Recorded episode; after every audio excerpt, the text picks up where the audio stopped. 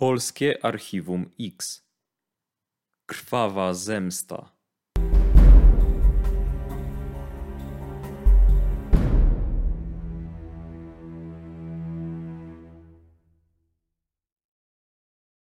Bulowice to wieś położona wzdłuż drogi krajowej nr 52 biegnącej z Bielska Białej w kierunku Krakowa. Znajduje się ona w bezpośrednim otoczeniu miasta Kęty, z którym jest związana ekonomicznie. Według legendy nazwa tej założonej w drugiej połowie XIV wieku wsi pochodzi od założyciela, Bolka z rodu Bolewiców. Kroniki z pierwszej połowy XVIII wieku wspominają o rozbójnikach napadających mieszkańców wsi i podróżnych. W styczniu 1723 roku za rabunek na szkodę młynarza z Bulowic ścięty został rozbójnik Teofil Talik z Cisca. Kronika parafii bulowickiej wspomina zaś o przywódczyni zbójników Maronce, mającej swoją siedzibę w jaskini koło Inwałdu. Panna Maronka, dowódczyni strasznych zbójców z lasu, napadnięta przez wojsko z Landskorony w karczmie bulowskiej, blisko granicy andrychowskiej, otruła się i pogrzebana jest na granicy między Bulowicami i Roczynami. Obecnie na terenie wsi szczególną popularnością cieszy się legenda o jeleniach. Według niej w latach 50. XX wieku nastąpiły aż trzy tragiczne wypadki z udziałem dzieci i jeleni. Wszystkie z nich zginęły śmiercią poprzez przebicie porożem. Jednym z domniemanych dowodów na prawdziwość tej historii są niepodpisane groby na cmentarzu katolickim w Bulowicach. Nie znaleziono jednak innych poszlak, przez co dużo osób nie wierzy w tę historię. Do dziś jednak w Bulowicach podchodzi się do jeleni ze szczególną ostrożnością. Wracając jednak do 2004 roku, około godziny 22.10 do oficera dyżurnego oświęcimskiej policji na numer alarmowy dodzwonił się 19-letni mieszkaniec Bulowic, Paweł K., zawiadamiając, że w rodzinnym domu matki przed chwilą ujawnił zakrwawione zwłoki dziadka i babci oraz zwłoki dwóch wujków – braci jego matki. Komendzie wojewódzkiej policji w Krakowie zapanowało poruszenie. Tego typu zgłoszenia zdarzają się bardzo rzadko. Na bieżąco utrzymywany jest telefoniczny kontakt z dyżurnym z pogotowia. Okazuje się, że dwie osoby, 74-letnia kobieta i 45-letni mężczyzna, jej syn, przeżyły i zostały w stanie bardzo ciężkim przewiezione do szpitala. Rodzi się wtedy nadzieja, że ich stan zdrowia poprawi się i w niedalekiej przyszłości będzie można od nich uzyskać relacje ze zdarzenia. Na razie jednak było to niemożliwe. Dwa zespoły szpitalnych lekarzy walczyły o ich życie.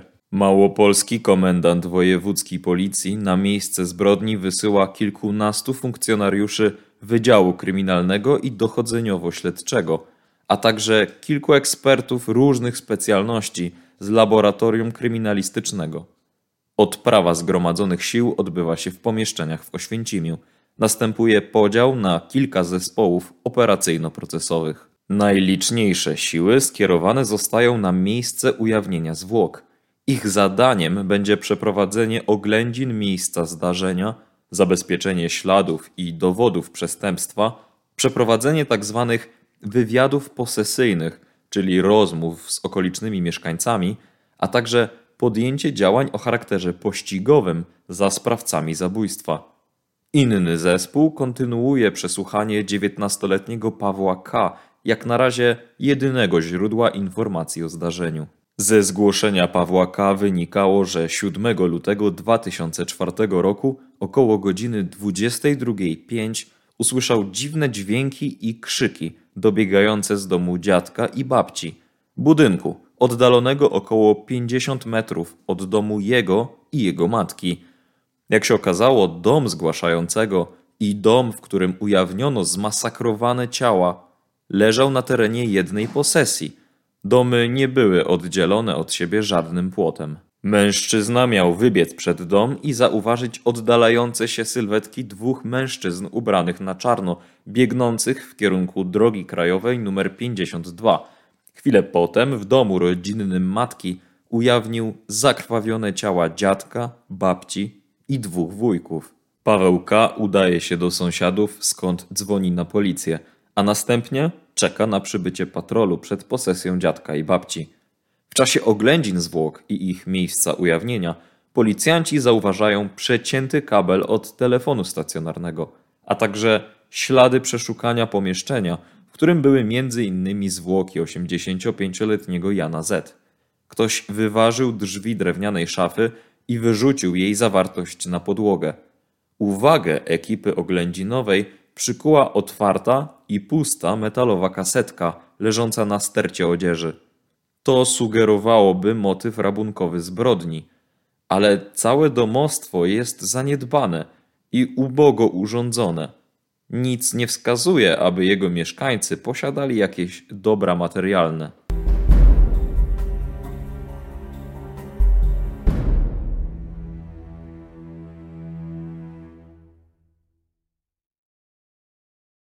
Zwłoki 85-letniego Jana Z i jego 33-letniego syna Piotra noszą liczne obrażenia w obrębie głowy.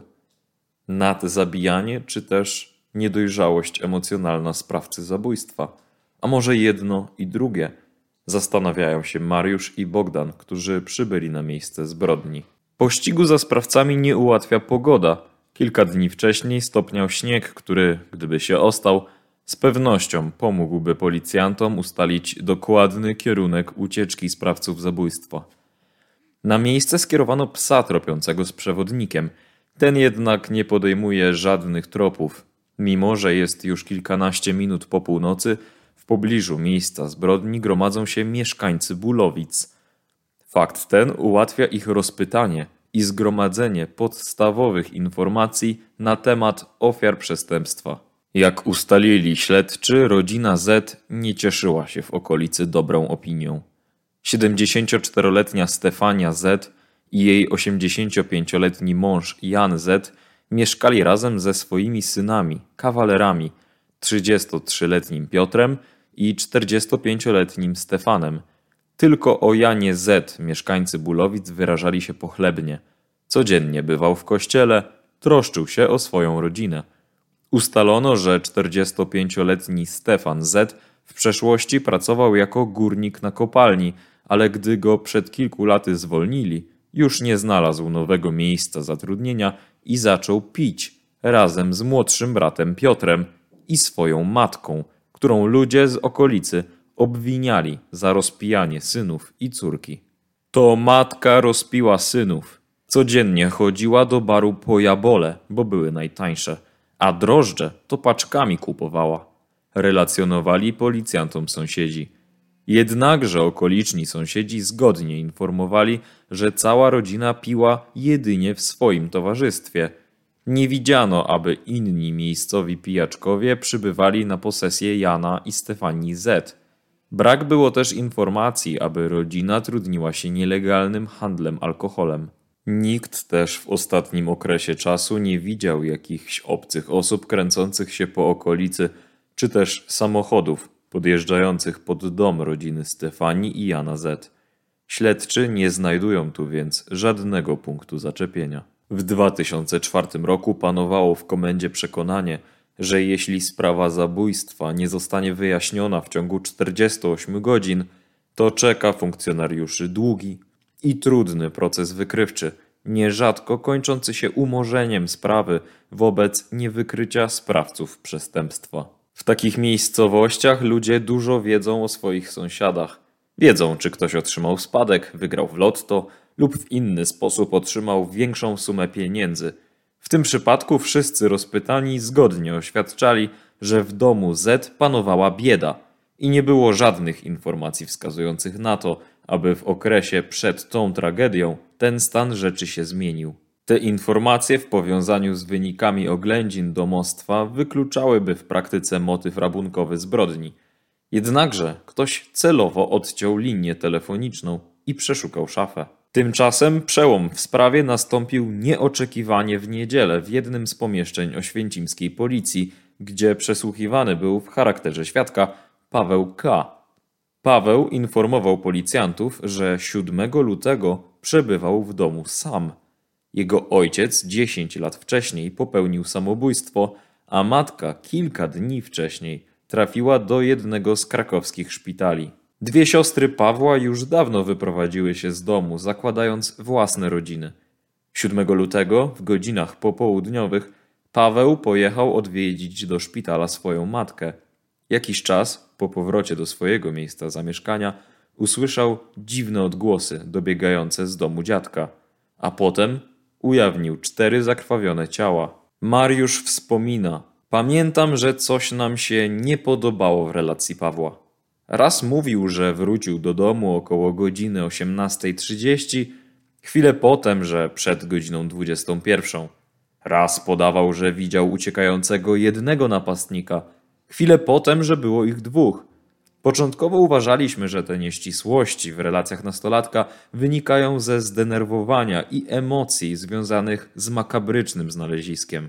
Pamiętam, że jeden z przesłuchujących Pawła policjantów zwrócił uwagę na, jak to się mówi na wsi, odświętne ubranie Pawła.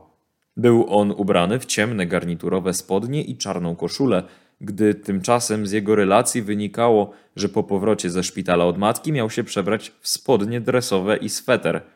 Pamiętam, że spytaliśmy Pawła, czy tego wieczoru wybierał się na jakąś dyskotekę albo prywatkę. Ten jednak kategorycznie nam zaprzeczył. Pytania o ubiór bardzo zdenerwowały Pawła. Poczerwieniał na twarzy i cały czas nerwowo zaciskał swoje dłonie.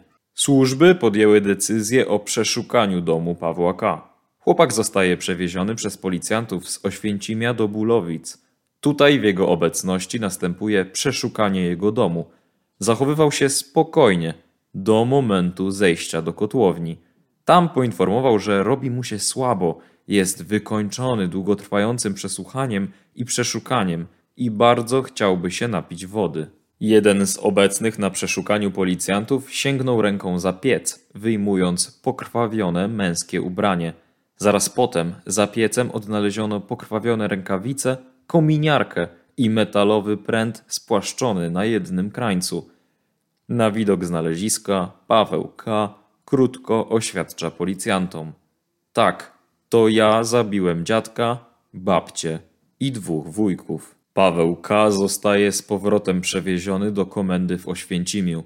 Tu zostaje rozpytany w charakterze podejrzewanego – Paweł wyjaśnił, że po powrocie ze szpitala od mamy poczuł wielką złość do babki i dwóch wujków za to, że rozpili matkę i doprowadzili do jej pobytu w szpitalu. Do dziadka nie czuł złości, bo jego zawsze bardzo lubił i mógł na niego zawsze liczyć. Przebrał się w stare ubranie, założył na głowę kominiarkę i z prętem w ręku udał się do sąsiedniego domu. Drzwi do domu jak zwykle były otwarte. W sieni zaatakował jednego z wujków a w pokoju drugiego. Ten, zanim stracił przytomność, zdołał zdjąć z głowy kominiarkę, wyjaśniał Paweł. Potem zaatakował dziadków, którzy go rozpoznali. Na koniec upozorował napad rabunkowy, a pokrwawione ubranie oraz narzędzie zbrodni schował w kotłowni. Przebrany i umyty, udał się do sąsiadów, aby zawiadomić policję, że znalazł swoich krewnych pobitych w ich domu. Bogdan wyjaśnia, że to, co zgubiło Pawła K., to zachowania teatralne, a więc innymi jego przebranie w strój nielicujący z jego przyzwyczajeniami. W psychiatrii zachowaniami teatralnymi określa się zachowania histrioniczne lub osobowość histrioniczną. Nazwa tego zaburzenia osobowości pochodzi od łacińskiego słowa histrio, aktor.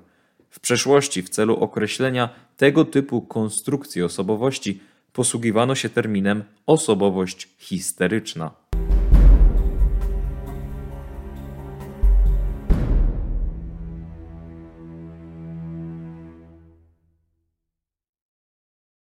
Zachowania teatralne to bardzo ważny i dość specyficzny ślad na duszy ludzkiej, twierdzi Bogdan.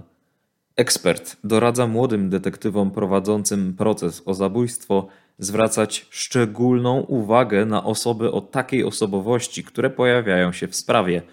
Dodatkowo Bogdan uważa, że Paweł K. nie popełnił tej zbrodni pod wpływem nagłych, negatywnych emocji, związanych z faktem trafienia jego matki do szpitala, uważa, że chłopak musiał się do tego czynu długo przygotowywać w zakresie przygotowania ubioru, narzędzia zbrodni, jak również w warstwie intelektualnej, czyli wymyślić, jak upozorować motyw napaści i jak zachowywać się po zbrodniczym czynie.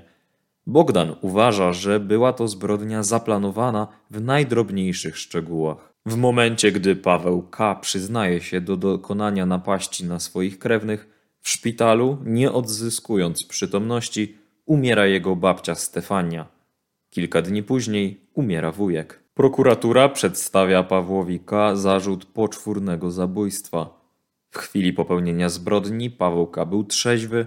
Szczegółowe badanie przez biegłych psychiatrów wykazało, że w chwili czynu miał ograniczoną poczytalność. Sprawa ta przez długi czas była omawiana i komentowana przez mieszkańców Bulowic. Jedni zastanawiali się, jak taki spokojny i wątłej budowy ciała młodzieniec mógł dopuścić się takiego bestialstwa. Inni znów już wcześniej przepowiadali, że w tej rodzinie stanie się jakaś tragedia. Starsi mieszkańcy Bulowic przypomnieli sobie, jak im rodzice opowiadali o innej, podobnej zbrodni, która w ich miejscowości miała miejsce na krótko przed wybuchem II wojny światowej. Sprawa ta dotyczyła dwudziestoletniego Jana Łyska z Bulowic, który 10 września 1938 roku wywołał po pijanemu awanturę z rodzicami w rodzinnym domu.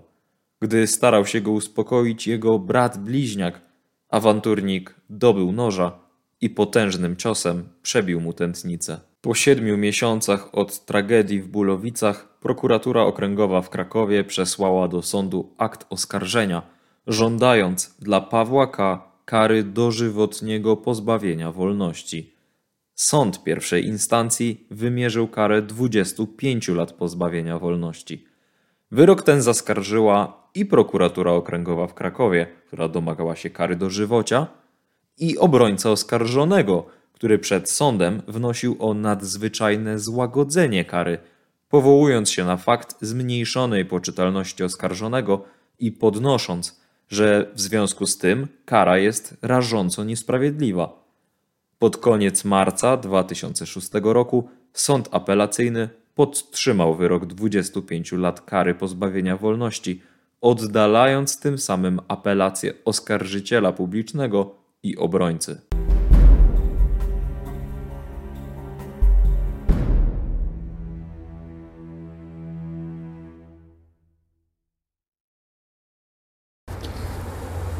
Młody mężczyzna dzwoni na policję, zgłasza napaść na swoją najbliższą rodzinę.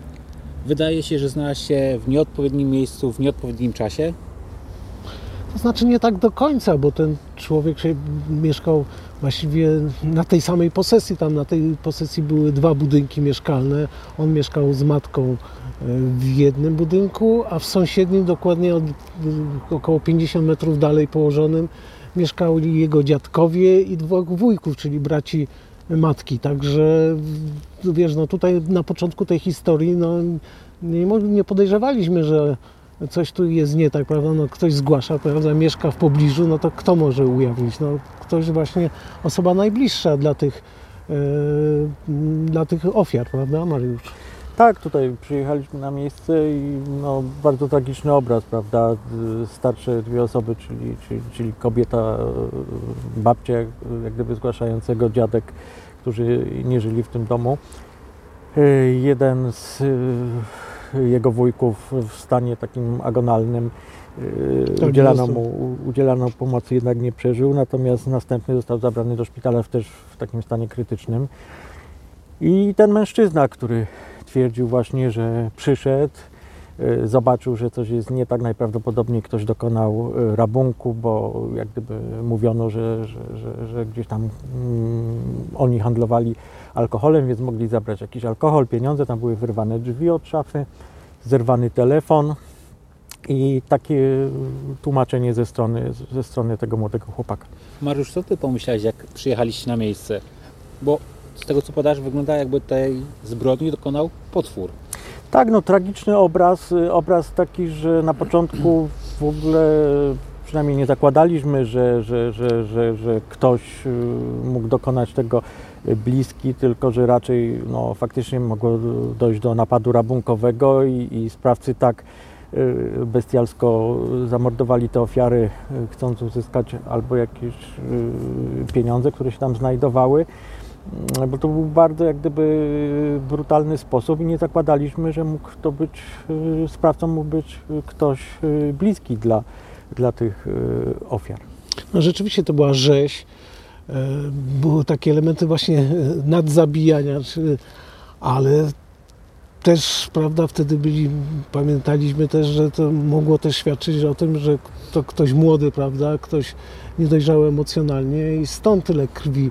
E, No, przystąpiliśmy po prostu do typowo takich czynności policyjnych. Trzeba po prostu weryfikować y, każde zgłoszenie. E, Była rozmowa, prawda, Mariusz całą noc z tym, z tym zgłaszającym, prawda, człowiekiem i, i on się zaczął gubić w pewnym momencie, no i padła decyzja o przeszukaniu jego miejsca zamieszkania, sprawdzenie, czy, czy on nie ma nic wspólnego, ten właśnie zgłaszający z tą zbrodnią. Tutaj zwróciliśmy uwagę na jego zachowanie, prawda? To, to trwało godzinami. On w ogóle był y, jak gdyby bardzo ładnie ubrany, to w cudzysłowie można powiedzieć, ale zwróciliśmy uwagę na to, że y, jak gdyby ma na sobie rzeczy, które no, są takie, takie, takie, takie bardzo eleganckie, świeże i tak dalej. I potem w trakcie rozmowy Czyli się nienaturalnie okazało- wyglądał po tak, tak, prostu. tak nienaturalnie, to tak jakby się przygotował na nasz przyjazd, można Czy takie te, teatralne zachowanie, prawda? A ubiór był rekwizytem swego Tak, rodzaju. wiemy, że gdzieś tam miejscowi, czy, czy w ogóle młodzi ludzie, prawda, tak nie, nie chodzą, raczej chodzą, prawda, gdzieś tam w, w takich rzeczach codziennego użytku, ale można powiedzieć, był bardzo tak odświętnie gdzieś ubrany i potem w trakcie rozmowy zaczął się denerwować, pewne jego, tak jak powiedział Bogdan, pewne jego y, stwierdzenia, podawane okoliczności zaczęły nam nie pasować. I, I tutaj y, postanowiliśmy, że przejdziemy na teren jego posesji, gdzie mówi, y, tutaj mówiliśmy wcześniej, znajdowała się jak gdyby na, na jednym obszarze.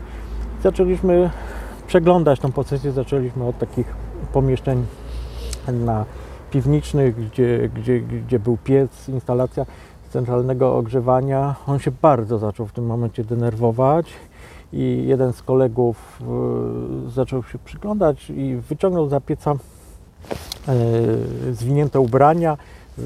Wśród tych ubrań był y, zwinięta rurka.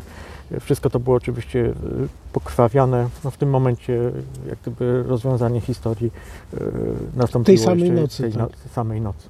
Co ten młody człowiek powiedział? No bo żeby dopuścić takiej zbrodni, to są straszne pokłady negatywnej energii, negatywnych emocji.